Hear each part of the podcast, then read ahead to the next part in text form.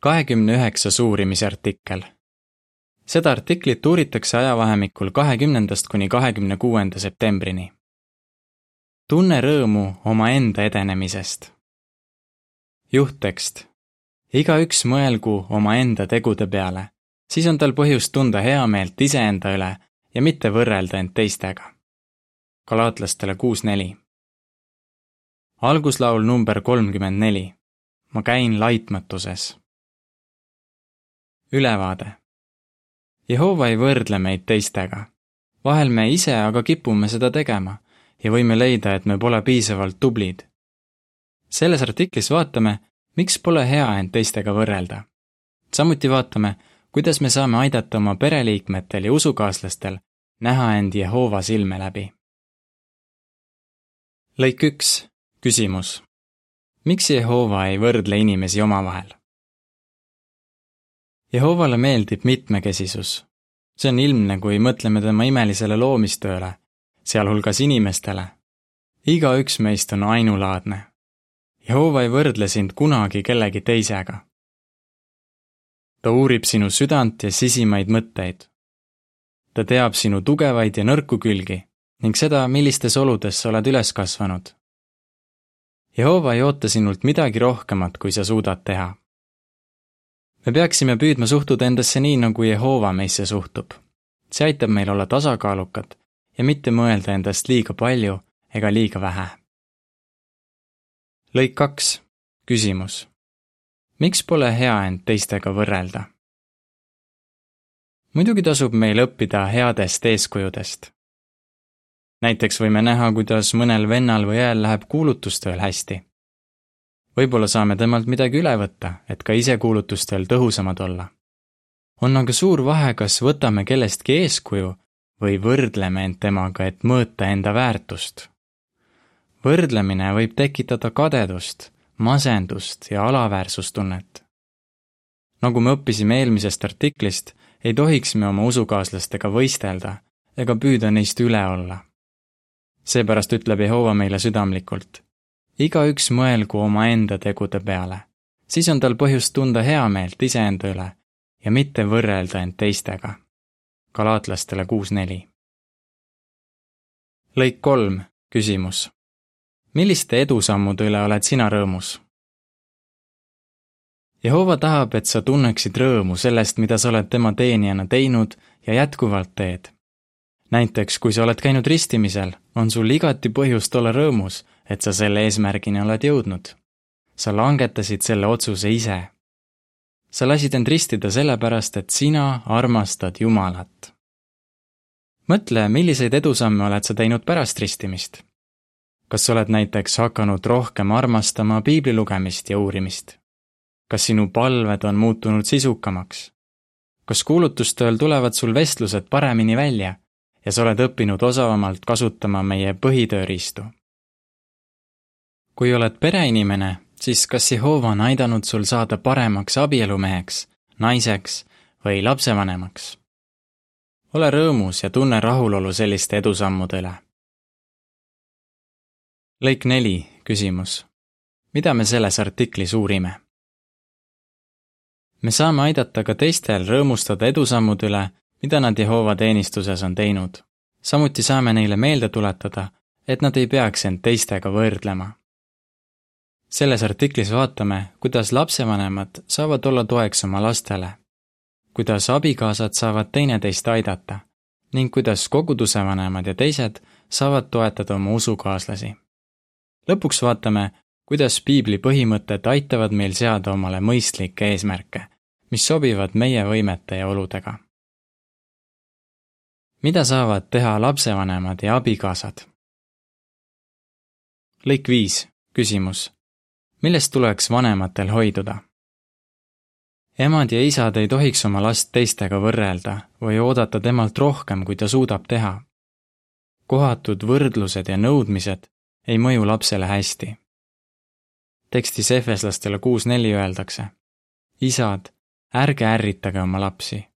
lapsi kasvatades manitsege neid Jehova juhatuse järgi ja juurutage neisse tema mõtteviisi õde Sachiko ütleb, mu õpetajad ootasid, et oleksin oma klassikaaslastest parem. lisaks tahtis ema, et oleksin koolis tubli ja jätaksin nii Jehova tunnistajatest hea mulje oma õpetajatele ja uskmatule isale. ema soovis, et ma ei teeks eksamites ja kontrolltöödes ühtegi viga, mida mina pidasin võimatuks. ehkki minu kooliaeg on ammu möödas, mõtlen ma aeg-ajalt siiani, kas minu parim on Jehovale ikka piisav. lõik kuus, küsimus. mida saavad lapsevanemad õppida tekstist laul sada kolmkümmend üks, üks ja kaks? lapsevanematel on midagi olulist õppida tekstist laul sada kolmkümmend üks, üks ja kaks. seal öeldakse. oo Jehova, mu süda ei ole kõrk ega silmad ülbed. ma pole ihaldanud asju, mis on mulle liiga suured ja kättesaamatud ma olen rahustanud ja vaigistanud oma hinge. olen kui võõrutatud lapsuke ema süles. olen rahul kui võõrutatud lapsuke. Taavet ütles, et ta pole ihaldanud liiga suuri või kättesaamatuid asju. tänu alandlikkusele oli tal sisemine rahu. mida on emadel-isadel Taaveti sõnadest õppida? Neil tuleb olla mõistlikud, mitte ainult selles, mida nad ootavad iseendilt, vaid ka selles, mida nad ootavad oma lastelt. Nad saavad aidata lapsel tunda end väärtuslikuna, kui nad on teadlikud tema tugevatest ja nõrkadest külgedest ning aitavad tal seada jõukohaseid eesmärke. õde Marina meenutab. ema ei võrrelnud mind kunagi mu vendadega või teiste lastega. ta ütles, et igaühel meist on erinevad anded ja et me kõik oleme Jehovale kallid. tänu temale võrdlen ma end teistega haruharva järgneb viienda ja kuuenda lõiguga seotud pildi selgitus. pere piibliõhtul on vanemad rõõmsad iga lapse panuse üle noalaeva ehitamisel. pildi allkirjas öeldakse. emad ja isad, tunnustage iga oma lapse pingutusi. lõigud seitse ja kaheksa.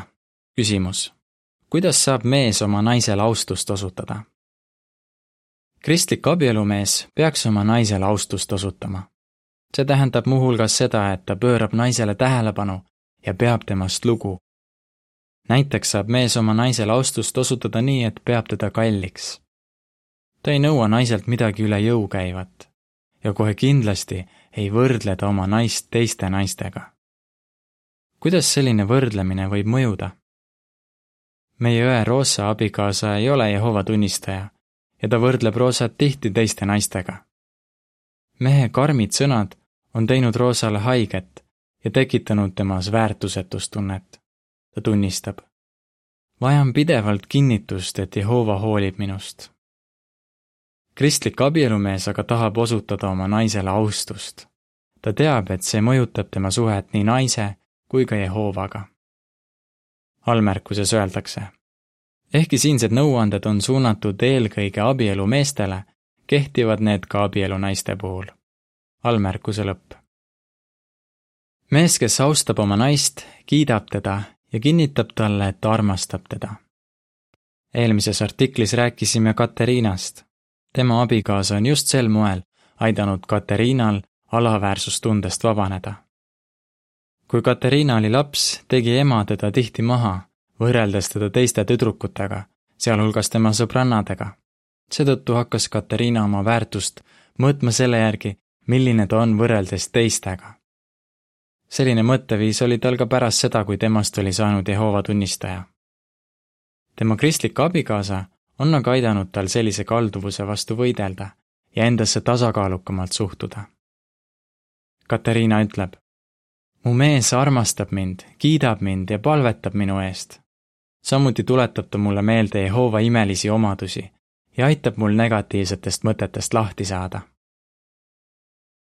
Mida saavad teha koguduse vanemad ja teised? lõigud üheksa ja kümme, küsimus. kuidas aitasid koguduse vanemad ühel õel end teistega mitte võrrelda?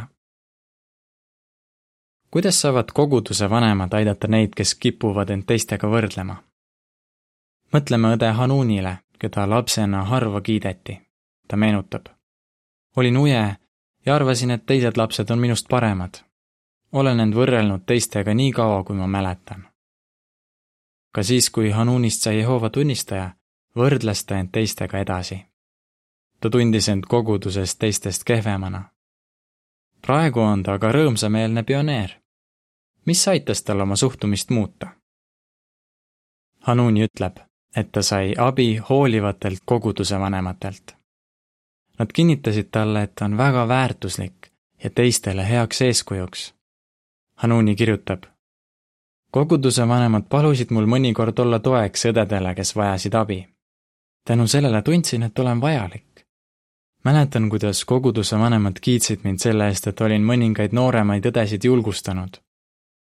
Nad lugesid mulle ette kirjakoha esimene Thessalooniklastel üks, kaks ja kolm. see liigutas mind väga. suuresti just tänu neile headele karjastele hindan ma praegu oma kohta Jehova organisatsioonis lõik üksteist, küsimus. kuidas me saame aidata neid, kes on rõhutud, nagu mainitakse tekstis Jesaja viiskümmend seitse viisteist? Jesaja viiskümmend seitse viisteist ütleb. nii ütleb tema, kes on kõrge ja ülev, kes elab igavesti ja kelle nimi on püha. ma elan kõrges ja pühas paigas, aga ka rõhutute ja vaimult alandlike juures, et elustada alandlikke vaimu ja rõhutute südant Jehova hoolib neist, kes on rõhutud. me kõik, mitte ainult koguduse vanemad, saame selliseid vendi ja õdesid julgustada. üks võimalus selleks on näidata, et hoolime neist. Jehova soovib, et kinnitaksime neile, kui väga ta neid armastab. me saame aidata oma usukaaslasi ka nii, et oleme alandlikud ja tagasihoidlikud. me ei tõsta esile enda saavutusi, sest see võiks tekitada teistes kadedust me hoopis kasutame oma võimeid ja teadmisi selleks, et teisi julgustada. lõik kaksteist, küsimus. mis tõmbas alandlikke inimesi Jeesuse ligi? meil on palju õppida sellest, kuidas Jeesus kohtles oma järelkäijaid. Jeesus oli suurim inimene, kes kunagi on elanud, kuid ta oli tasase meelega ja südamelt alandlik. ta ei uhkustanud oma ülima tarkuse ja laialdaste teadmistega Jeesus kasutas õpetamisel lihtsaid sõnu ja köitvaid näiteid, mis puudutasid alandlike inimeste südant. erinevalt ülbetest usujuhtidest ei andnud Jeesus kunagi kellelegi mõista, et too on Jumala silmis tühine. ta kohtles tavalisi inimesi austusega. järgneb ajakirja kaanepildi kirjeldus. Jeesuse jüngreid tõmbas oma isanda ligi, sest ta ei pidanud end kunagi nendest tähtsamaks Jeesusele meeldis olla koos oma sõpradega. lõik kolmteist, küsimus. millest ilmneb Jeesuse mõistev suhtumine oma järelkäijatesse? Jeesus oli oma järelkäijatega mõistev. ta teadis, et nende võimed ja olud on erinevad. Nad kõik ei saanud kanda sama vastutust ega teha kuulutustööd ühepalju. ent Jeesus hindas iga oma järelkäija pingutusi tema mõistev suhtumine ilmneb hästi ühest mõistujutust. selles loos andis isand igale orjale tööd tema võimete järgi. kahest tublist orjast üks tegi teisest rohkem, kuid isand kiitis neid samade sõnadega. tubli, sa hea ja ustav ori. Mattiuse kakskümmend viis, neliteist kuni kakskümmend kolm. lõik neliteist, küsimus. kuidas me saame oma usukaaslaste suhtes mõistvad olla? Jeesus on mõistev ka meie suhtes. ta teab, et meie võimed ja olud on erinevad. ning tal on hea meel, kui teeme oma parima. meil tuleks teiste kohtlemisel Jeesusest eeskuju võtta. me ei taha, et keegi meie usukaaslastest peaks end teistest kehvemaks või tunneks häbi, kui ta ei suuda teha nii palju kui teised. otsigem siis võimalusi, et kiita vendi õdesid nende pingutuste eest. sea endale mõistlikke eesmärke lõigud viisteist ja kuusteist, küsimus. kuidas aitas üht õde see, et ta seadis endale mõistlikke eesmärke? vaimsed eesmärgid annavad meie elule suuna ja sisu. oluline on aga see, et meie eesmärgid oleksid vastavuses meie endi võimete ja oludega, mitte kellegi teise omadega. kui meil oleks eesmärgid seatud kellegi teise järgi, siis võib juhtuda, et pettume endis ja masendume mõtleme pioneerõele nimega Midori. kui ta oli veel laps, siis tema isa, kes ei ole Jehova tunnistaja, võrdles teda tihti tema õe, venna ja klassikaaslastega ning pidas teda teistest kehvemaks. Midori tunnistab, tundsin end väärtusetuna. vanemaks saades tuli tal aga enesekindlust juurde, ta sõnab. lugesin iga päev piiblit, see andis mulle meelerahu ja ma tundsin, et Jehova armastab mind. Lisaks seadis Midori endale mõistlikke eesmärke ja palvetas, et neid eesmärke saavutada. see kõik on aidanud tal tunda rõõmu oma edenemise üle. järgneb viieteistkümnenda ja kuueteistkümnenda lõiguga seotud piltide selgitus. üksikema, kellel on eelkooliealine laps, teeb kava, et olla abipioneer. ta on rõõmus, kui oma seatud eesmärgiga hakkama saab pildi allkirjas öeldakse. Tunne rõõmu mõistlike eesmärkide seadmisest ja nende saavutamisest. anna Jehovale oma parim. lõik seitseteist, küsimus. kuidas me saame oma mõtteviisi üha uuendada ja mis tulemused sel on? negatiivsed tunded ja mõtted ei haihtu üleöö. seepärast kutsub Jehova meid üles. Teil tuleb üha uuendada oma mõtteviisi Efeslastele neli, kakskümmend kolm, kakskümmend neli. selleks on meil muidugi vaja palvetada, uurida piiblit ja mõtiskleda. püüa seda kõike teha ja palu Jehovalt selleks jõudu. tema püha vaim aitab sul saada üle kalduvusest võrrelda end teistega. Jehova aitab sul ka märgata enda juures kadeduse ilminguid või kohatut uhkust ja need kiiresti oma südamest välja juurida.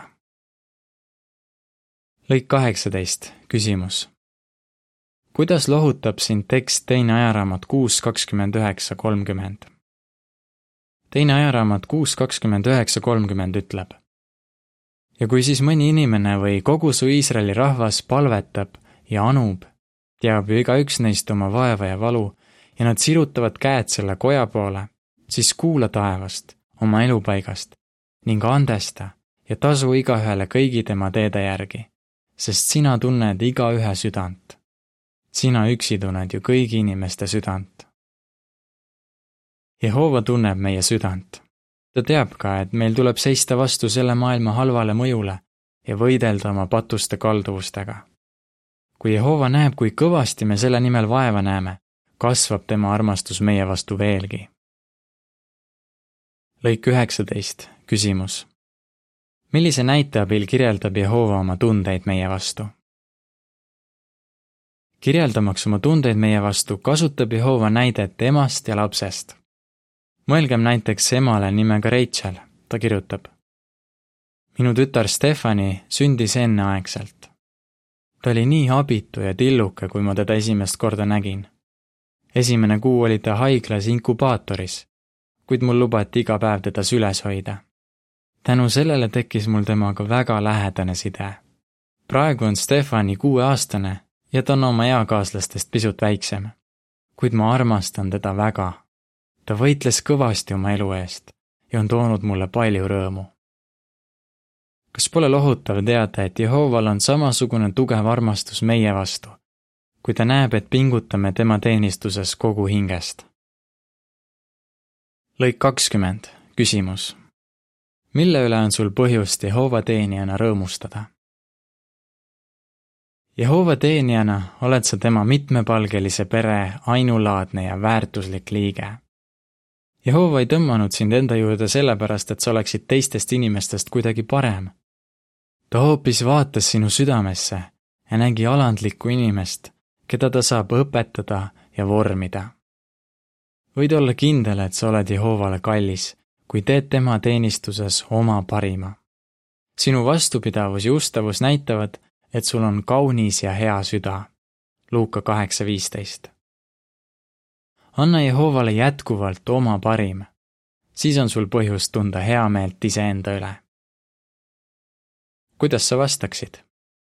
kuidas saavad lapsevanemad aidata lastel tunda rõõmu oma edenemise üle? kuidas saavad koguduse vanemad aidata usukaaslastel tunda end armastatu ja vajalikuna? Miks me võime olla rõõmsad, kui anname Jehovale oma parima? lõpulaul number kolmkümmend kaheksa. ta tugevaks sind teeb. artikli lõpp